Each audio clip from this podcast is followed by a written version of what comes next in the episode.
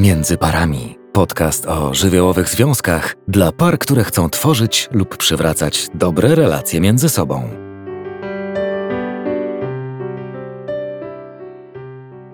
Witam Cię w kolejnym odcinku żywiołowych związków. Dzisiaj na warsztat weźmiemy sobie uczucie, którego większość ludzi nie chce czuć i chciałoby się go pozbyć. Ja w tym dzisiejszym odcinku chcę pokazać Ci, jak można oswajać się z tym uczuciem, co można z nim robić, jak można je rozumieć w kontekście naszych przeszłych doświadczeń, ale także jak to wpływa na relacje z drugą połówką, z którą tworzymy świat, i jak można to układać, żeby była ona przydatna i jak ją rozbrajać a mowa o niczym innym jak o złości, która jest uczuciem wartym okiełznania, bo może być dla nas bardzo, bardzo pomocna we wszystkich relacjach, które budujemy i warto z niej korzystać.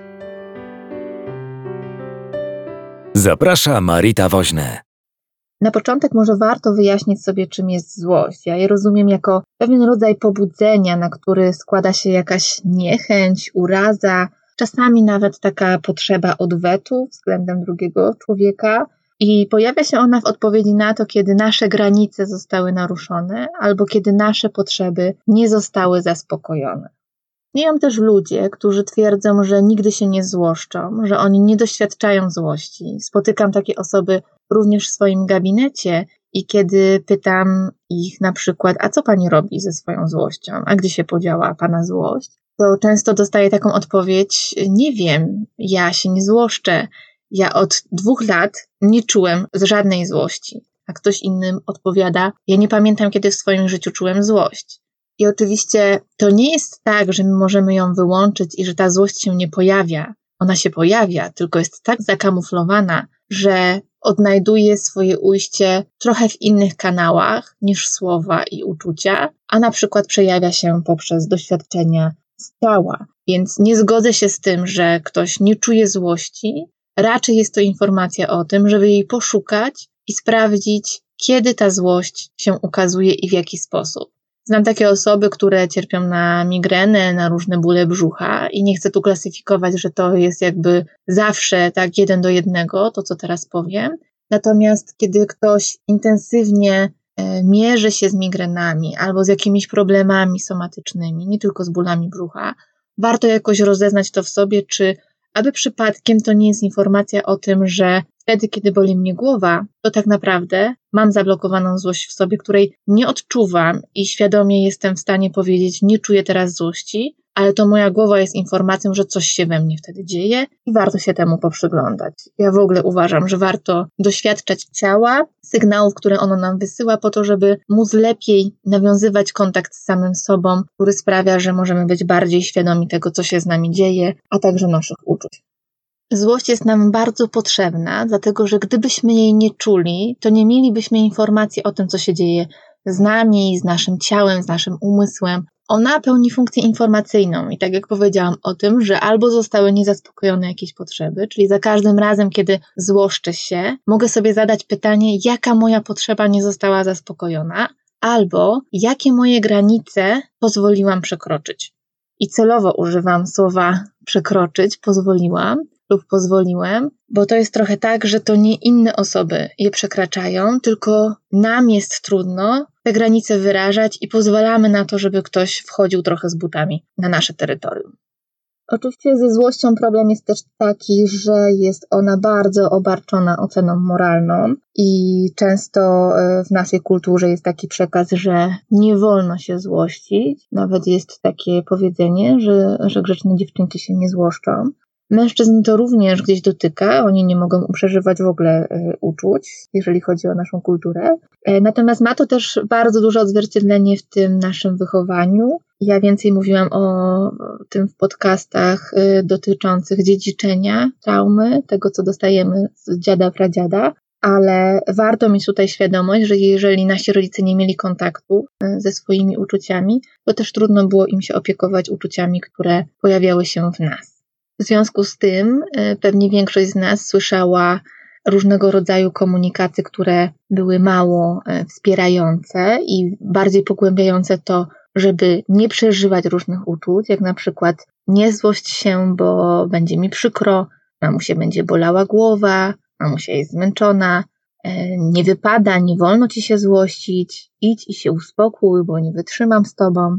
Zamiast komunikatu, który pozwalałby poukładać sobie to, co się dzieje w nas, czyli na przykład rozumiem, że się złościsz, bo ktoś powiedział ci coś przykrego i to jest dla ciebie trudne, choć zastanowimy się, jak możemy rozwiązać y, tą sytuację. Albo widzę, że to ciebie zraniło, możesz płakać, bo to jest rzeczywiście trudna sytuacja, pozwól sobie na to, żeby płakać wtedy dopiero zyskiwalibyśmy taką informację, że te uczucia, które są w nas, są adekwatną reakcją na to, co się dzieje. I właściwie tak jest. I ja pracując z różnymi osobami, właśnie za każdym razem tłumaczę to, że to, że uczucia się pojawiają i one są w nas, to jest czymś zupełnie naturalnym. Nie da się ich wyciąć, nie da się ich pozbyć w żaden sposób. One są informacją i nie można mieć poczucia winy z tego powodu, że dane uczucie pojawia się w danej chwili, bo to jest trochę niezależne od nas. My oczywiście możemy mieć różne strategie radzenia sobie z tymi uczuciami, ale samo to, że one się pojawiają, są jakąś informacją i zamiast starać się tak usilnie zakopywać je i przestać czuć, to lepiej zrobić z nich użytek i zaakceptować to, że one się pojawiają, po to, żeby lepiej poznawać siebie, że one są trochę taką mapą, z której my niekoniecznie korzystamy, do tego, żeby poznawać siebie i swoje wnętrze.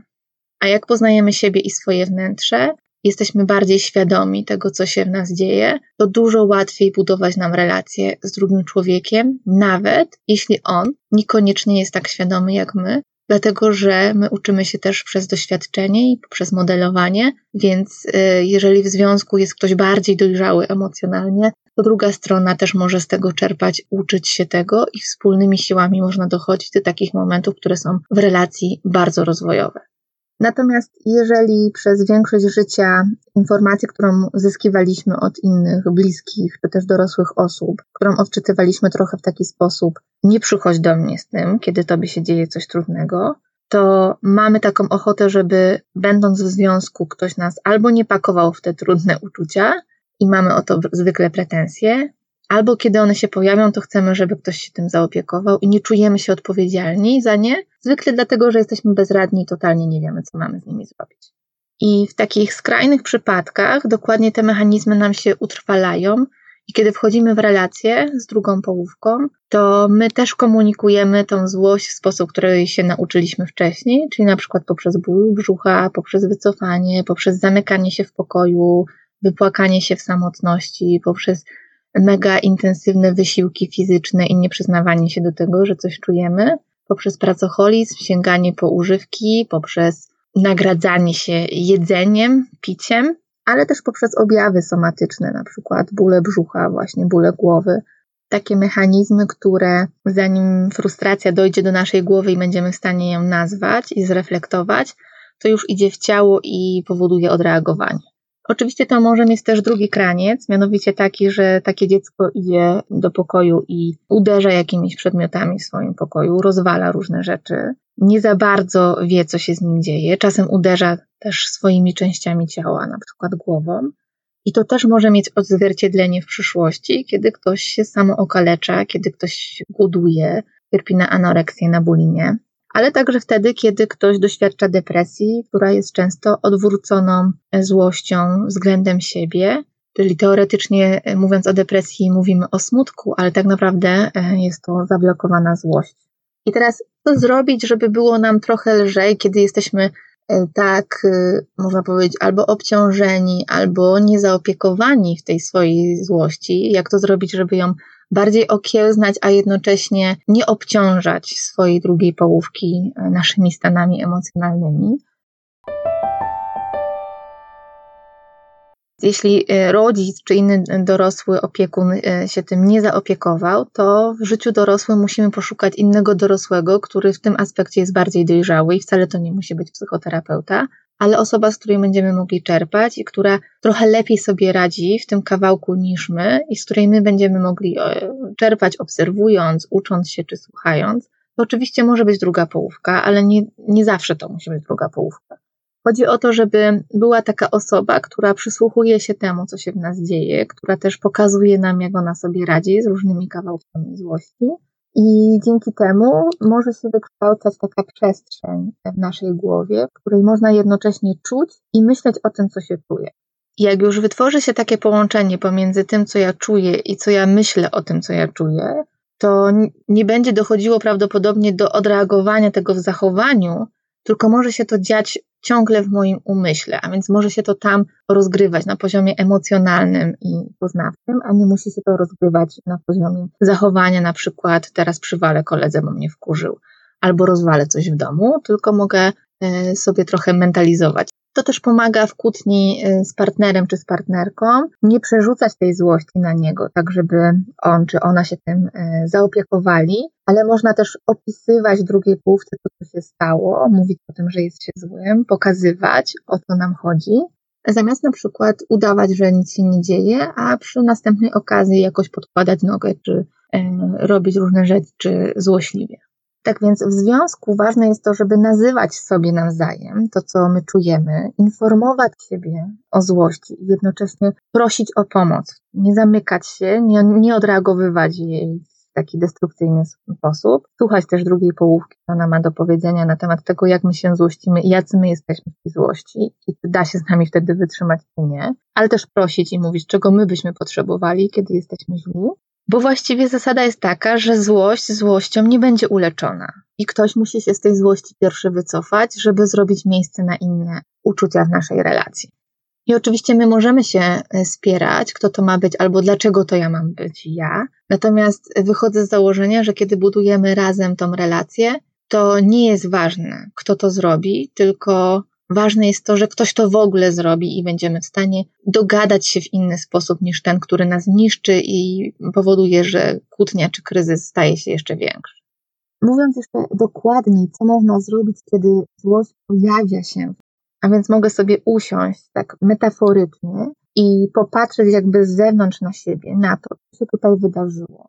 Jakie będzie najsensowniejsze rozwiązanie? Czy warto na to odpowiadać? Czy może lepiej e, pogadam teraz sam ze sobą i jakoś mi uży, czy może potrzebuję, żeby komuś o tym opowiedzieć, a może jednak poczekam i samo to przejdzie, a może jednak coś chcę z tym zrobić, tak? Zawsze mam jakiś wybór.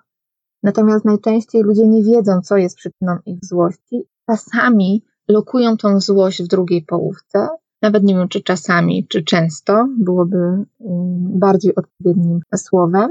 I to jest przyczyna takiego wzajemnego oskarżania się i krytyki, z którą pary mają największy kłopot, dlatego że e, nie potrafią sobie robić takich stopów i mówić, o co mi tak naprawdę chodzi, o jakie potrzeby mi chodzi, o jakim zranieniu ja chcę ci powiedzieć, e, bo to jest dużo trudniejsze niż powiedzenie, nie wkurzasz, weź coś zrób i zmień się teraz, bo mi jest z tobą niewygodnie. Są jeszcze takie osoby, które mają spojone e, w swoim życiu, że złości nie wypada okazywać. I one nie mówią o tej złości wprost, ale to nie jest tak, że one jej nie czują, tylko często zastępują tę złość. I można trochę to sprawdzić w ten sposób. Gdybyś teraz zadał sobie pytanie, jaką emocję najczęściej przeżywasz, jaka ci najczęściej towarzyszy, to dla jednych to będzie złość, dla innych to będzie smutek, dla jeszcze innych to będzie lęk, a jeszcze dla innych poczucie winy. I to też jest informacja, trochę jak z tą górą lodową, żeby poszukać, jeżeli na wierzchu, na wierzchołku tej góry lodowej ja mam smutek, to czy przypadkiem pod spodem tej góry nie ma właśnie złości albo jeszcze jakichś innych uczuć i warto tego szukać w ten sposób. I oczywiście ten zabieg jest nieświadomy, ale jest w nas bardzo, bardzo częsty. I dopiero kiedy sobie go uświadomimy, jest szansa na jakąkolwiek zmianę z tymi osobami, które nie mogły przeżywać złości, mają ją jakoś zablokowaną, to e, mówiłam o tych e, sytuacjach, gdzie somatycznie przeżywają tą złość. To jeszcze są takie sytuacje, gdzie ktoś złość zamienia sobie na życzliwość. Jest bardzo, bardzo życzliwy, bardzo słodki e, w tym kontakcie i czasami też czuć pewną nienaturalność tego, i to tak czuć od spodu. Tego nie da się wyjaśnić w inny sposób, ale czuć, że tam jest coś więcej. Trochę można by pozastanawiać się, jak ktoś ma ukrytą złość, to jaką ona formę wtedy przybiera? Czy atakuje samego siebie poprzez zachowania takie autodestrukcyjne, świadome bądź nieświadome, albo poprzez somatyzację, to na przykład przez zachowanie bierno-agresywne. Czyli tutaj jestem miła, ale za chwilę to tak naprawdę wbije ci nóż w plecy, a jak nie nóż, no to jakoś tam delikatnie sobie e, odreaguję, żeby upuścić sobie to napięcie i będę delikatnie złośliwa, albo wycofam się z kontaktu, albo przestanę się odzywać, nie będę odpisywać na wiadomości, albo będę odpisywać, ale będę w nich bardzo oschła, nie będę mogła znaleźć czasu na wyjście, na rozmowę, będę zapominać o różnych rzeczach. I generalnie będę robić wszystko, co da mi upust tej emocji, a jednocześnie nie pozwoli na wyrażenie tej złości wprost bo wtedy musiałabym się skonfrontować z tą złością, a właściwie z reakcją na tą złość, a pod spodem jest prawdopodobnie też lęk przed odrzuceniem.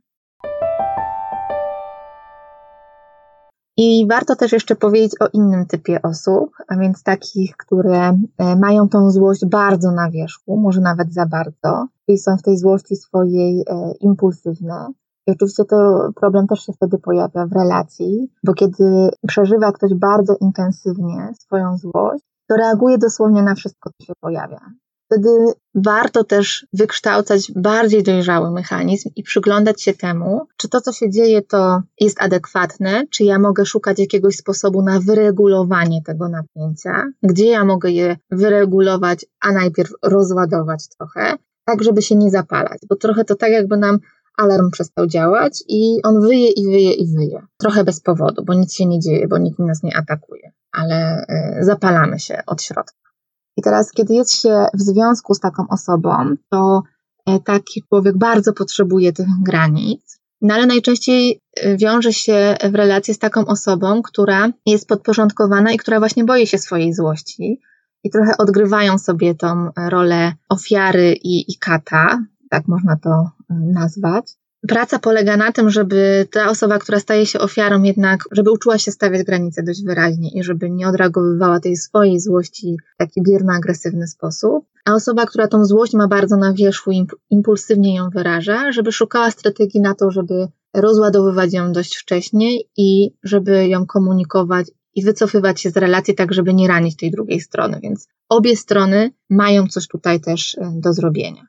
Czasem może być tak, oczywiście, że mm, dobieramy się tak w pary, że dwie osoby są bardzo impulsywne i to jest tak zwane włoskie małżeństwo, które y, nie jest w stanie inaczej funkcjonować niż w ten sposób, że będą się przerzucać ciągle tymi intensywnymi uczuciami i bardzo ich potrzebują do tego, żeby w ogóle w tej relacji być.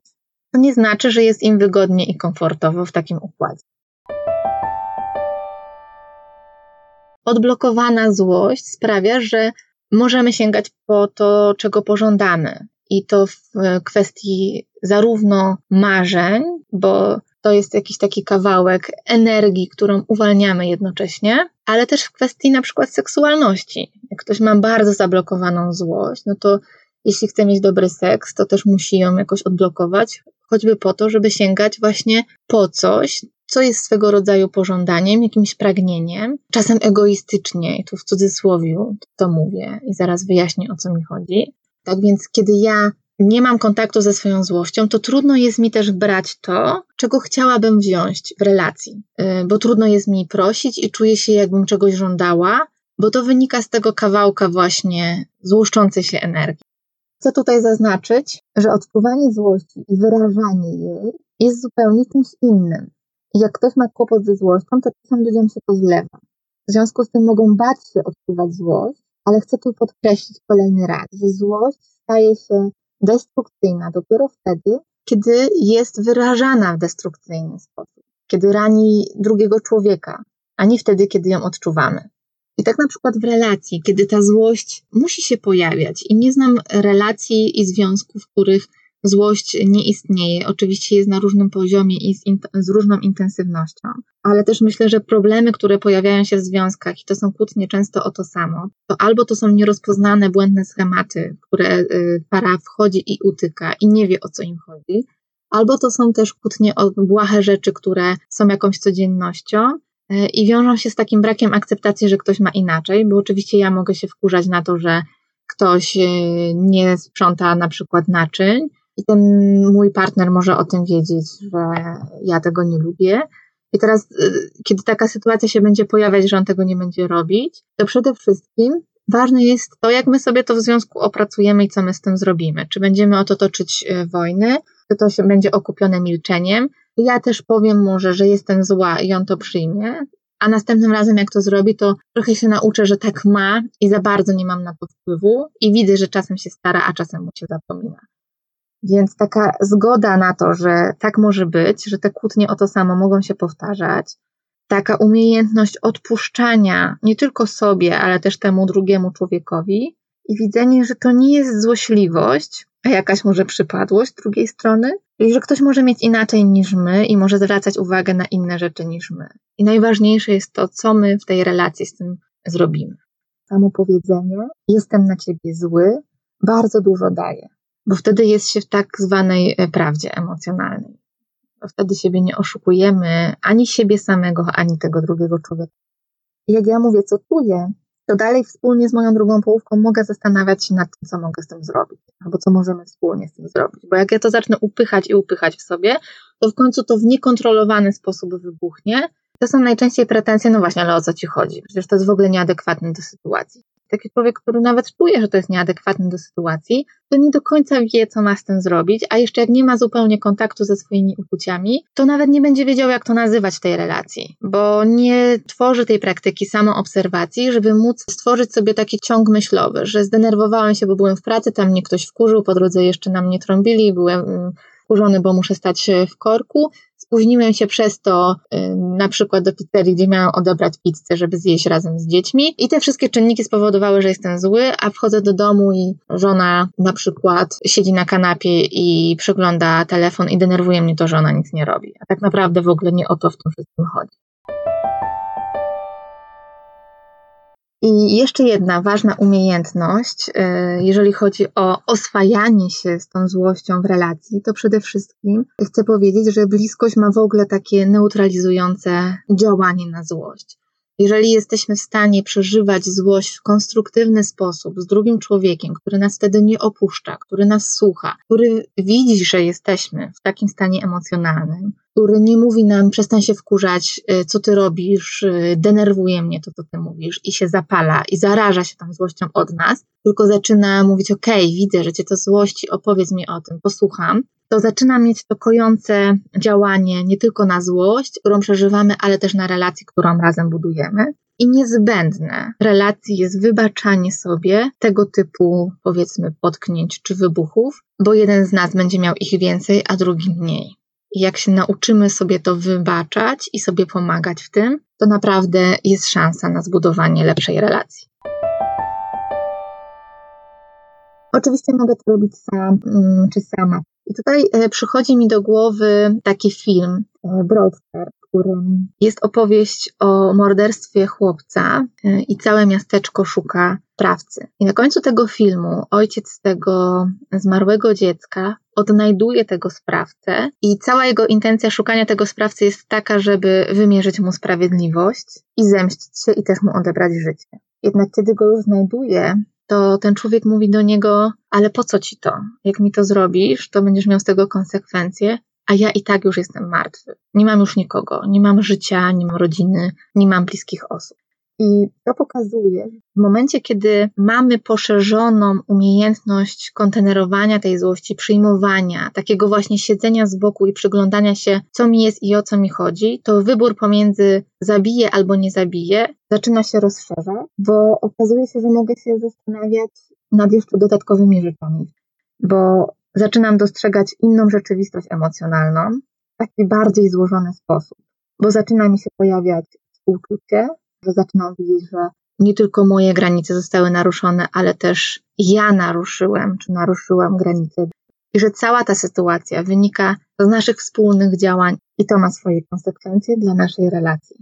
I to mi pozwala wyhamować swoje impulsy na, na poziomie działania, a używać ich na poziomie słowa i w kontekście emocjonalnym, tak żeby zrobić z nich użytek, a nie tylko e, dać sobie takie fizyczne e, rozładowanie napięcia, które się też w nas tworzy. I oczywiście sytuacja w filmie jest e, bardzo skrajna, natomiast na, na co dzień myślę, że często możemy mieć takie odruchy względem drugiego e, człowieka, czy swojej drugiej połówki, która nas bardzo potrafi zirytować, że mamy czasem ochotę ją e, może niekoniecznie zabić, ale zrobić jej coś, to odczuje, że nas bardzo to wkurzyło. I już prawie kończąc powiedzieć o takich osobach, kiedy ktoś wkurza się właśnie o wszystko, że to jest jeszcze jeden element, gdzie można dawać sobie wsparcie i można myśleć właśnie poszerzając swoją refleksję nad nim w taki sposób, że ten człowiek potrzebuje akceptacji takim, jakim on jest. I że prawdopodobnie nie było takiej osoby w jego życiu, która dałaby mu tą i oczywiście będzie niewiele osób, które będą w stanie być przy takim człowieku, no bo mamy swoje uczucia i nam też coś to robi. I oczywiście nie mamy, to, chcę zaznaczyć, takiego obowiązku, żeby wytrzymywać, i każdy ma swoje granice i dobrze, żeby je rozeznawał. Ale chcę pokazać pewien wariant, który też jest możliwy. Że jak jestem z kimś w relacji, y, z kimś takim, to mogę też y, mieć gotowość na to, że na przykład nie daję sobie wejść oczywiście na głowę, ale też nie opuszczam tego człowieka. I trochę na zasadzie, okej, okay, jesteś taki, a ja spróbuję dostać się do twojego środka. Bo w środku może się okazać, że jesteś porządnym gościem, poranionym człowiekiem, tęskniącym, opiekującym się, wrażliwym, delikatnym, e, bardzo rodzinnym. Tylko to wszystko jest opakowane w jakąś urazę i zranienie, bo doświadczenia wcześniejsze takiej osoby były takie, że wszystkie ważne osoby ta osoba mogła stracić. I nie chce do nikogo się zbliżać, i może też być tak, że ta złość, którą prezentuje w tak intensywny sposób, jest pewnego rodzaju pancerzem, który ma celowo odstraszać inne osoby, po to, żeby nikogo do siebie nie dopuścić. Jak zobaczymy taki kawałek drugiego człowieka, z którym mamy do czynienia, to być może będziemy mieli większą gotowość, będąc zwłaszcza w relacji, próbować to rozpuszczać. I da się to rozpuszczać, bo ja tego doświadczam nie tylko w gabinecie terapeutycznym, ale też na co dzień w życiu. Więc to jest możliwe i do takiego rozpuszczania wzajemnie swojej złości, swoich mechanizmów obronnych, swoich pancerzy, które każdego dnia rano zakładacie, Was serdecznie do tego zapraszam, tak żeby stanąć do siebie w prawdzie, i widzieć się prawdziwym, bo tylko to jest w stanie umacniać Waszą relację. Bardzo dziękuję za dzisiejszą obecność i wysłuchanie tego do końca i do zobaczenia w kolejnym odcinku. Jeśli chcesz posłuchać innych odcinków na temat psychologii związków, zajrzyj na międzyparami.pl. Jeśli masz propozycję tematu na kolejny podcast, wyślij wiadomość przez formularz na stronie.